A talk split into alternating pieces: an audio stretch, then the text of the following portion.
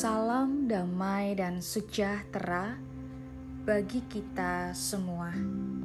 Saudara yang terkasih, hari ini kita akan bersama-sama merenungkan firman Tuhan yang diambil dari Ibrani pasal 10 ayat 35 sampai 38. Sebab itu, janganlah kamu melepaskan kepercayaanmu, karena besar upah yang menantinya. Sebab kamu memerlukan ketekunan, supaya sesudah kamu melakukan kehendak Allah, kamu memperoleh apa yang dijanjikan itu.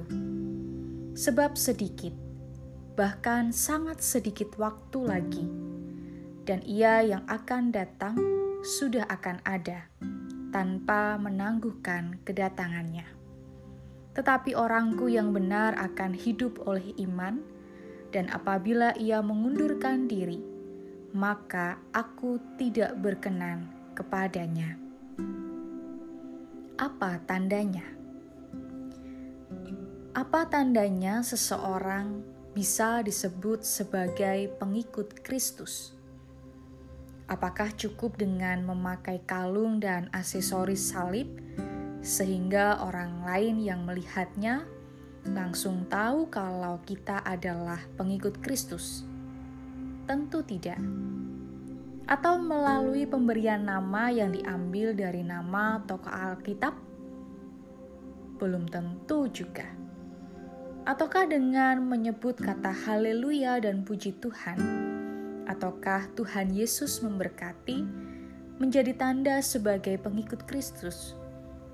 Tentu tidak hanya itu.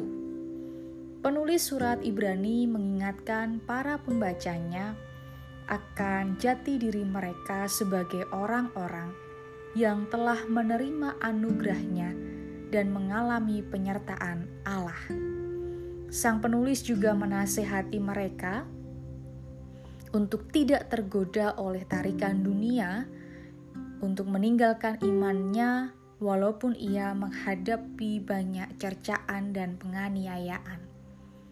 Pengikut Kristus tidak akan mudah goyah dalam iman, bahkan melunturkan semangat mereka ketika penderitaan terjadi, karena janji Tuhan adalah menyelamatkan mereka.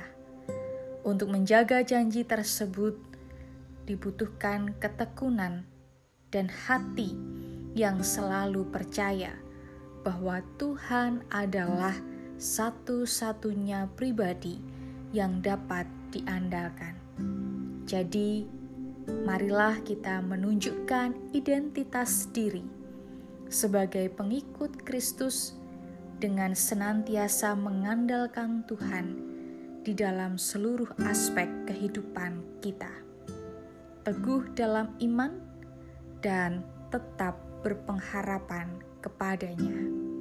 Tuhan Yesus memberkati.